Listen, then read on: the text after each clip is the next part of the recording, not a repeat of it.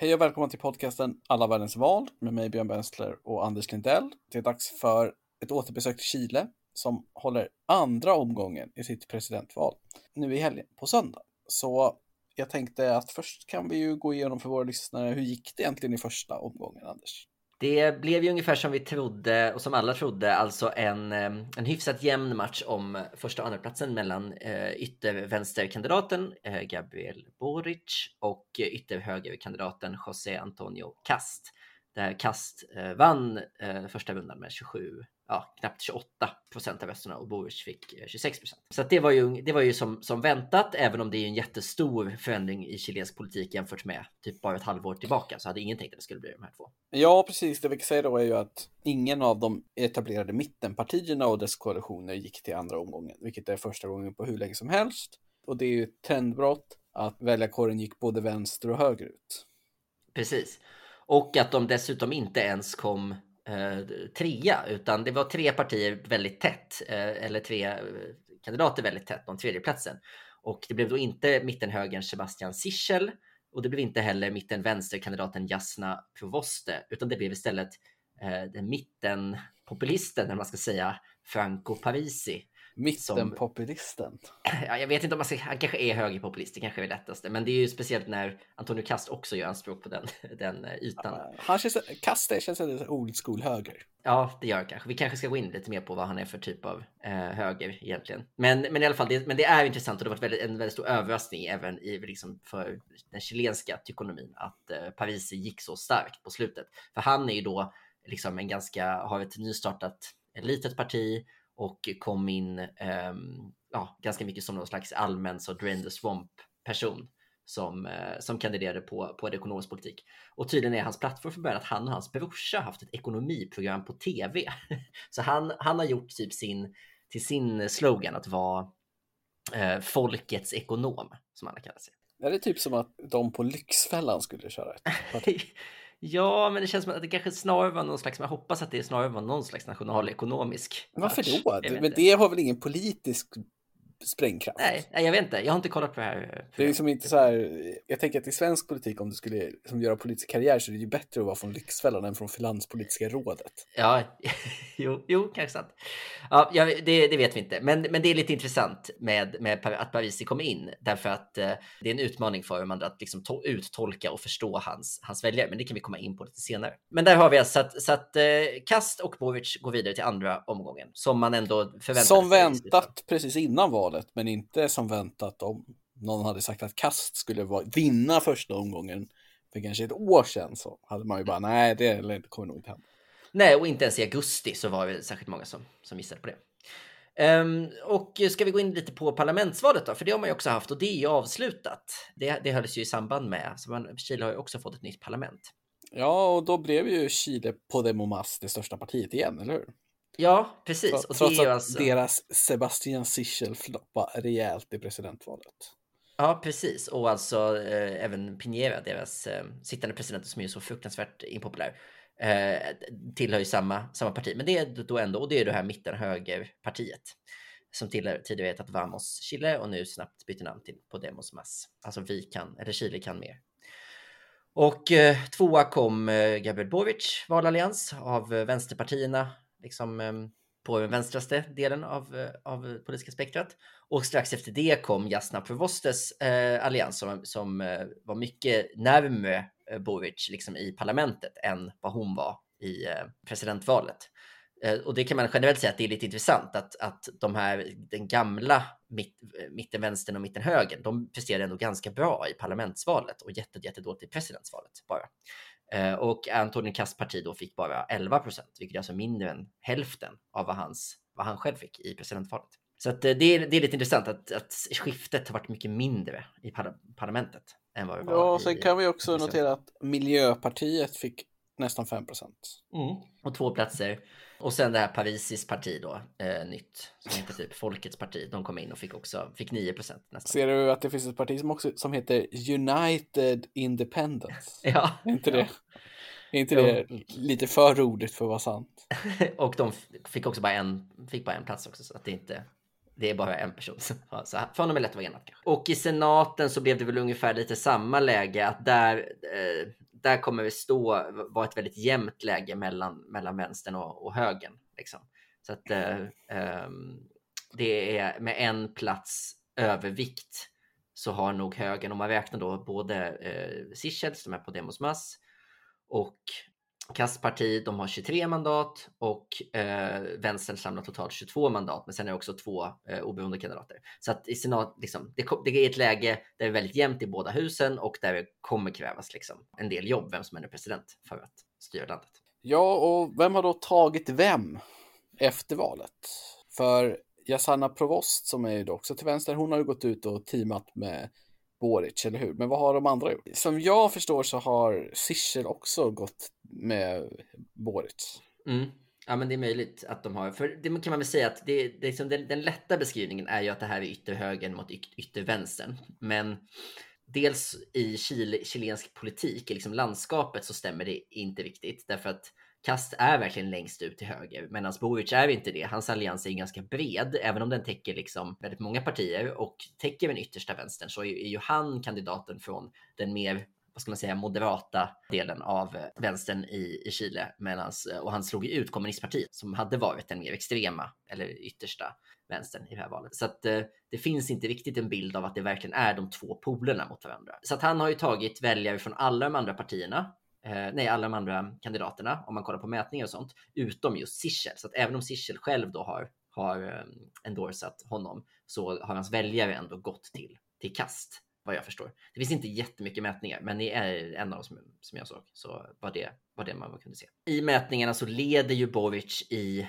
typ alla eh, liksom segment av befolkningen, i, alla, i de flesta åldersgrupper och i alla inkomstgrupper och så där. Men han leder inte så himla stort på totalen ändå. Nej, det är väl liksom en knapp ledning såklart, men mer vi snackar liksom ja, 55, 45, kanske lite lägre. Man kan dock säga att mätningarna var ju väldigt bra inför det förra rundan. Eh, de fick rätt på vilka som skulle bli störst, de fick rätt på hur stora de tre andra skulle vara och så vidare. Mm.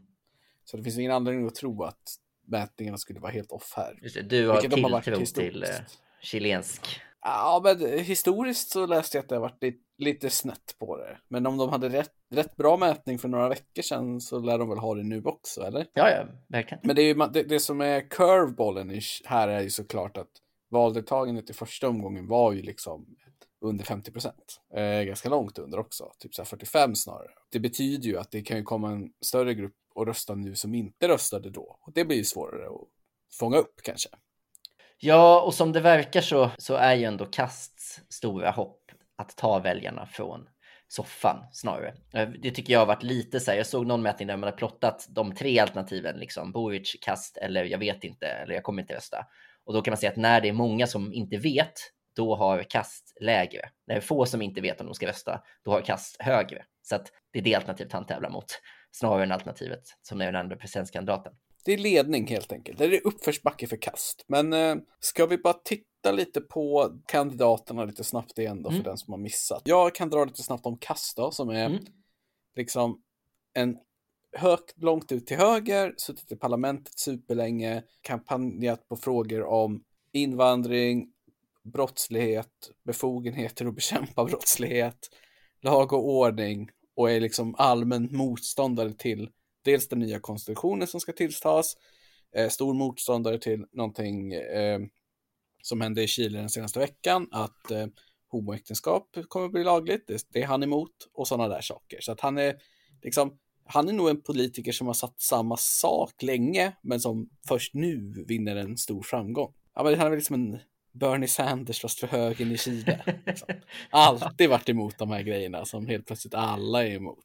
Så han är väldigt långt till höger och har väldigt så här, traditionell högerpolitik delvis också då, att han vill ju så här, såklart halvera antalet departement, minska offentliga utgifter och staten och så liksom, han blandar liksom in, invandringspopulism med en ganska klassisk nedskärningshöger.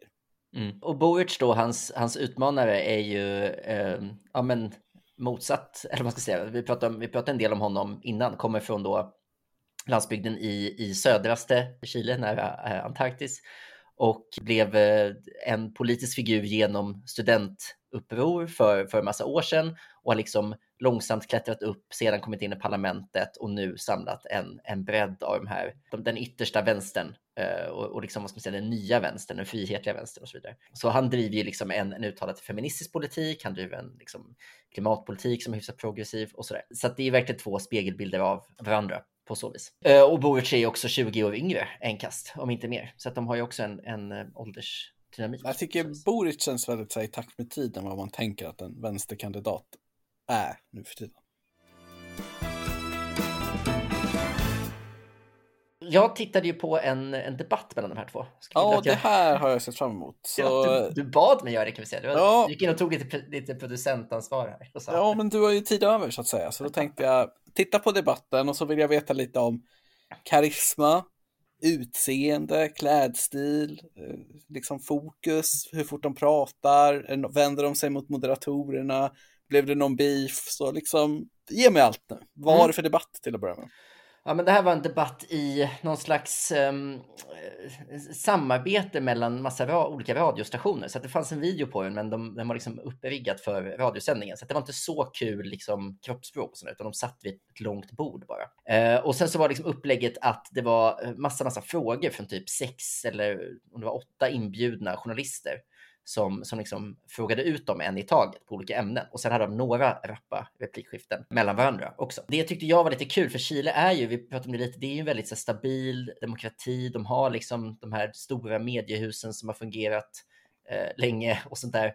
Och så har de två kandidater som är så extremt emot systemen så att, liksom, som finns. Liksom, och de olika, ja, båda, båda som jobbar mot status quo. Liksom. Och det, det märkte man att de här journalisterna hade lätt att vara kritiska till. Liksom. Så det blev ganska spänstigt. Så vadå, den riktiga oppositionen var journalisterna? Ja, men lite så var det. Det var ju ofta precis att de, att de fick. Men, men de hamnade också lite i luven på varandra. Men om, man, om jag ska beskriva dem, liksom, eller generellt vill jag bara säga, det var en väldigt bra debatt. Det var väldigt så här, båda var ganska duktiga på att svara konkret. De svarade på de frågorna som ställdes. De skonade inte in jättemycket egna talepunkter, utan det fanns liksom en respektfull ton gentemot de här journalisterna som ställde. Den blev mycket mindre respektfull när de pratade med, med varandra. Då märktes det att de liksom inte, inte tycker om varandra överhuvudtaget. Eh, Kast är ju liksom, han har jämförts då med Donald Trump av naturliga skäl. Men varför en... jämförs alla alltid med Donald Trump? Ja, men för att de är... Liksom, finns det, de tyckte du att det fanns någon likhet? Nej, men det finns en likhet med Donald Trump. Som, för att han jämför sig också med Jair Bolsonaro. Han är nog mycket mer lik Jair Bolsonaro. De, då, där finns det massa tydliga likheter. Han har också så här, suttit länge i parlamentet och sen blivit lite mer extrem, hittat en ny målgrupp och blivit jättepopulär på kort tid. Så här. Det, är lite, det finns en sån, en likhet där. Men där han påminner mer om Trump är ju att han är, vad ska man säga, ljusare. Alltså han är inte så arg. Kast är liksom en ganska vänlig och glad person. Och han är mycket, mycket mer vad ska man säga, artig och, och liksom korrekt än vad Trump och, och Bolsonaro är. Det är men att tänka liksom... sig att någon kan vara det. ja. Nej, men så att, så att där, där skiljer han sig åt jättemycket från dem, även om man politiskt kanske ligger ganska, ganska nära. Så, att, så att det är en tydlig, en tydlig skillnad, att Kast är liksom han är liksom inte en aggressiv person retoriskt. Liksom. Och Boric var ju, är ju också ganska duktig, var ju också en duktig retoriker, men kanske var mer uppeldad, mer passionerad i hur han pratade. Eh, och kanske oftare fick liksom, blev avbruten av moderatorn och sådär och fick, fick ehm, eh, lugna sig lite, men kanske också var, var vassare i att så här, till exempel, typ ehm, trycka till kast. De hade liksom en, en konstig beef de hade var att de bråkade om vem som hade tackat nej till flest debatter till exempel. Det återkom flera gånger att de så anklagar den andra för att inte vilja debattera och så. Men Kast ligger ju lite i underläge, märktes det eller? Att han liksom var lite Nej. hungrigare kanske? Nej, det tycker jag inte märktes. Och det som också är intressant är att Kast utmålar Boric jättemycket som så här, det, det farliga alternativet. Typ så här, extremisten och liksom populisten och så. Och det gör inte Boric så mycket, utan Boric pratade mer om typ sin politik och att den var bättre än Kast. Och det tyckte jag också var oväntat, för det känns som att Kast borde Ja, men det kanske var för att slippa, slippa den stämpeln själv. Liksom. Men nej, känslan var ju snarare som att det var Kast som ledde tryggt och att Boric var mer, behövde vinna, liksom. även om det inte är så egentligen. En fråga som framgår ganska mycket var ju, vad heter det, mm, tågnätet och eh, liksom dieselkonflikten inom, inom så transport. Det tyckte jag var lite roligt, att där var båda så eh, tydliga med att de, att de hade varsin position. Där Kast ville liksom alliera sig med, med lastbilschaufförerna, lastbilssektorn, den delen av transporterna Eh, Medan Boric vill liksom bygga ut järnvägssystemet och delvis betala det med en eh, höjd eh, dieselskatt. Enligt undersökningen som jag tittar på så är brottslighet, hälsa och pensioner toppfrågorna. Kom, mm. kom det upp eller? eller var det? Ja. Det var inte som att lastbilschaufförerna figurerade i den undersökningen. Nej, eh, men det, är väl, det, det blir väl en proxy för klimat och sådär som vi kanske var med. Nej, men eh, pensionerna var absolut med, för där har ju Boric fått mycket. Eh, han har ju velat göra stora förändringar i pensionssystemet så att, så att där var de var med. Och det tror jag också är en sån fråga. Båda de här nu är ju i ett läge där de, du vet lite som det brukar vara i primärvalen i USA, att man behöver ha typ en tydlig vänster eller högerprofil, vilket parti man nu vinner primärvalet i. Och sen när man väl har vunnit, då måste man bredda sig lite grann. Båda de gör ju det nu, att de har varit väldigt tydligt vänster och höger och nu försöker de vinna fler väljare. Och jag tror att just pensionsreformen, som jag inte riktigt förstår tyvärr, men där har eh, Boric nu liksom backat och typ, han fick en fråga om en så här, någon partikollega till honom som har uttryckt sig väldigt radikalt om typ, jag tror att det handlar om att här, avskaffa vissa privata pensionsfonder och göra allting till ett gemensamt statligt system. Eh, där han typ mer eller mindre kastar den här partikollegan under bussen och bara nej, nej, vi tycker inte så länge. Jag har pratat med honom och han har fel. Eh, oj, okej, okay. oj, oj, oj. Så att, han, så att det finns lite en sån, eh, så pensionerna och där, men det tror jag Boric ser som sin, en, en styrka för honom med de delarna. Medan brottsligheten är ju en av de frågorna där väljarna i Chile fortfarande har högre förtroende för kast. Att det, är väl, det är väl att den frågan ligger högst. Det är väl det som gör att kast fortfarande har en chans. Ja, så kan det ju vara. Nej, men det var intressant. Var det något mer då? Liksom, vad kände du liksom för? Var det någon som hade lite, om du skulle berömma karisman hos dem? Nej, men jag tycker båda är, alltså jag tycker verkligen är tydligt att båda är duktiga duktiga retoriker. Som sagt, Boric lite mer liksom, aggressiv, kanske lite mer spektakulär i sin retorik. Alltså så här, var, var duktig på att här, ta in snygga talepunkter. Medan Kast kanske lite mer var så här, släpig, lite nedlåtande. Alltså en lite mer Carl Bildt-typ. Liksom. Om du skulle placera Trevlig, in men... på en skala där Obama är högst och Bo Lundgren är lägst. Nej, men båda är närmare. Båda är närmare Obama. Alltså, jag tyckte verkligen genuint att båda var duktiga. Så det är lätt att lura mig också. Min spanska är inte så bra. Jag vet ju inte vad de... Nej, men du bara kan ju berömma karisma ändå. Ja, exakt. Nej, men där tyckte jag att de eh, båda har verkligen, verkligen någonting. Ja, var det, var det liksom någonting som kom upp som var, handlade om något privat skandalrelaterat? Eller Nej, liksom... inte vad jag vet. Men eh, jag såg inte heller exakt hela. Den var ju tre timmar lång. Så jag, jag tog ju bara med de första, de första ja, minuterna. För tittar man på lite mer på mätningarna så är det ju så att det som talar kanske mest för Boric är ju att man ställer ju ofta de här frågorna, okej, okay, vad har du för intryck av personen, bra, dåligt? Och han mm. har ju mm. ganska jämn balans mellan bra och dåligt, medan en majoritet av befolkningen har ju dålig bild av kast. Så hans nettotal är mycket sämre på approval, som man säger, mm. än Boric. Så det, det, ser liksom bra ut för Boric, men eh, kast kom ju smygande bakifrån och vann i första omgången. Mätningarna är inte alltid helt svårt att mäta, estimera med valdeltagande och så vidare. Och så vidare. Så det är möjligt att det här blir jämnare än man tror, men vad, mm. hur tror du det kommer gå, Anders? Nej, men eh, jag, jag vet inte, det, det, känns ju som att det här borde liera men du vet alla val som har varit de senaste fem åren där vi är så här, nej, men det är klart det inte blir Brexit och så blir det. Eller så här, det är klart det inte blir Trump och så blir det. Och så bara, det är klart det inte blir kast. Alla säger att de hatar honom med alla mätningar. Så blir väl han då till slut. Det, det, känslan är ju bara att det är i linje med det. Liksom. Men, eh, eller? Jag tror inte riktigt på det där. Det, det, I de valen som det går som det är tänkt, där det inte blir extremkandidaten, de viftar man ju bara bort då. Ja. Så, så, att det är liksom, ah, AF, AFD ja. kanske vinner i Tyskland och så får de 7 procent. Ja, nej, så, det är sant. Det är, jag, jag tycker det ser bra ut för Boric det här. Han borde, både om man tänker hur har utvecklats politiskt de senaste åren med de här stora protesterna, den nya konstitutionen, mm. att det inte är en ännu tydligare vänstervåg kunde ha varit. Så mm. det känns som att det här ligger takt i tiden. Det var bra för Boric att gå upp mot en tydlig högerkandidat för då blir det ändå att de som satt i mitten och bara, äh, okej okay då. Liksom. Han gynnas nog av att möta en så otroligt profilerad motståndare. Just det. Det varit bättre för honom, mycket värre för honom att möta typ Sichel. Eller ja, exakt. Mm. Som hade kunnat ta alla till höger och hitta några i mitten. Nu blir det ändå, det här med två ja. tydliga val, det gynnar Boric skulle jag säga. Och han kommer ta det här med 54 procent av rösterna. Ja, kul. Du får jag säga en, en sista en aspekt av chilensk politik som vi inte har pratat så, så mycket om, men som ändå typ är viktig. Det är ju så här att det finns en så feministisk våg i Chile nu. Och det är typ det, det svåra, för om Boric, om han håller på att ändra sig om det här med pensionerna nu, så det där Kast har behövt så här göra om, det är att han typ haft ganska mycket så vad ska man säga, klassiskt antifeministisk politik. Alltså att han till exempel har föreslagit att man ska villkora en del eh, välfärd för kvinnor med att de är gifta. Det framförallt handlar om så här barnbidrag och, och att han även så skulle lägga ner jämställdhetsministeriet eller kvinnoministeriet kanske heter eh, och så här, göra om det och så här. Han har haft en del sådana där han nu, vad jag förstår, håller på att vrida lite på sig. Men där det här framför allt är en spännande, en spännande grej är, och jag vill återkomma till det, den här Parisi som vi pratade lite om i början där finns det en stor personlig skandal som spelar lite roll för båda kandidaterna nu. Det här vill jag höra mer om. Ja, därför att Parisi har ju, han har ju kandiderat till president i Chile, men han har inte varit i Chile sedan 2020. Så han har inte sett landet utan han gjorde hela sin presidentkandidatur från Alabama någonstans. Va?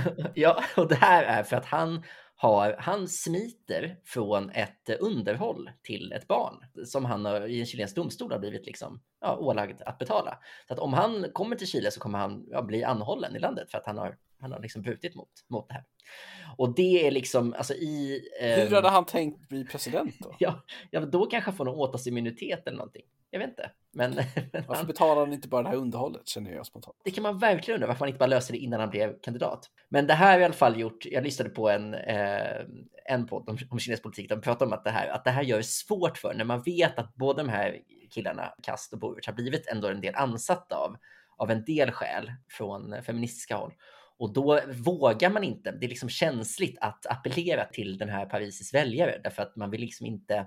Man kan inte säga att han är bra därför att då kan man få feministisk backlash för han är ju liksom en, en antifeministisk. Fast är Kast orolig över feministisk backlash? Nej, men han har fått så mycket skit där innan typ och han sa det. Han var jättetydlig med det i den här debatten och det var första frågan han fick var så här. Vad säger du till dem som är oroliga för att röst på dig är röst mot kvinnors rättigheter? Och då sa han så här. Nej, nej, nej. Det viktigaste för mig är att vi ska säkra säkerställa kvinnors rättigheter.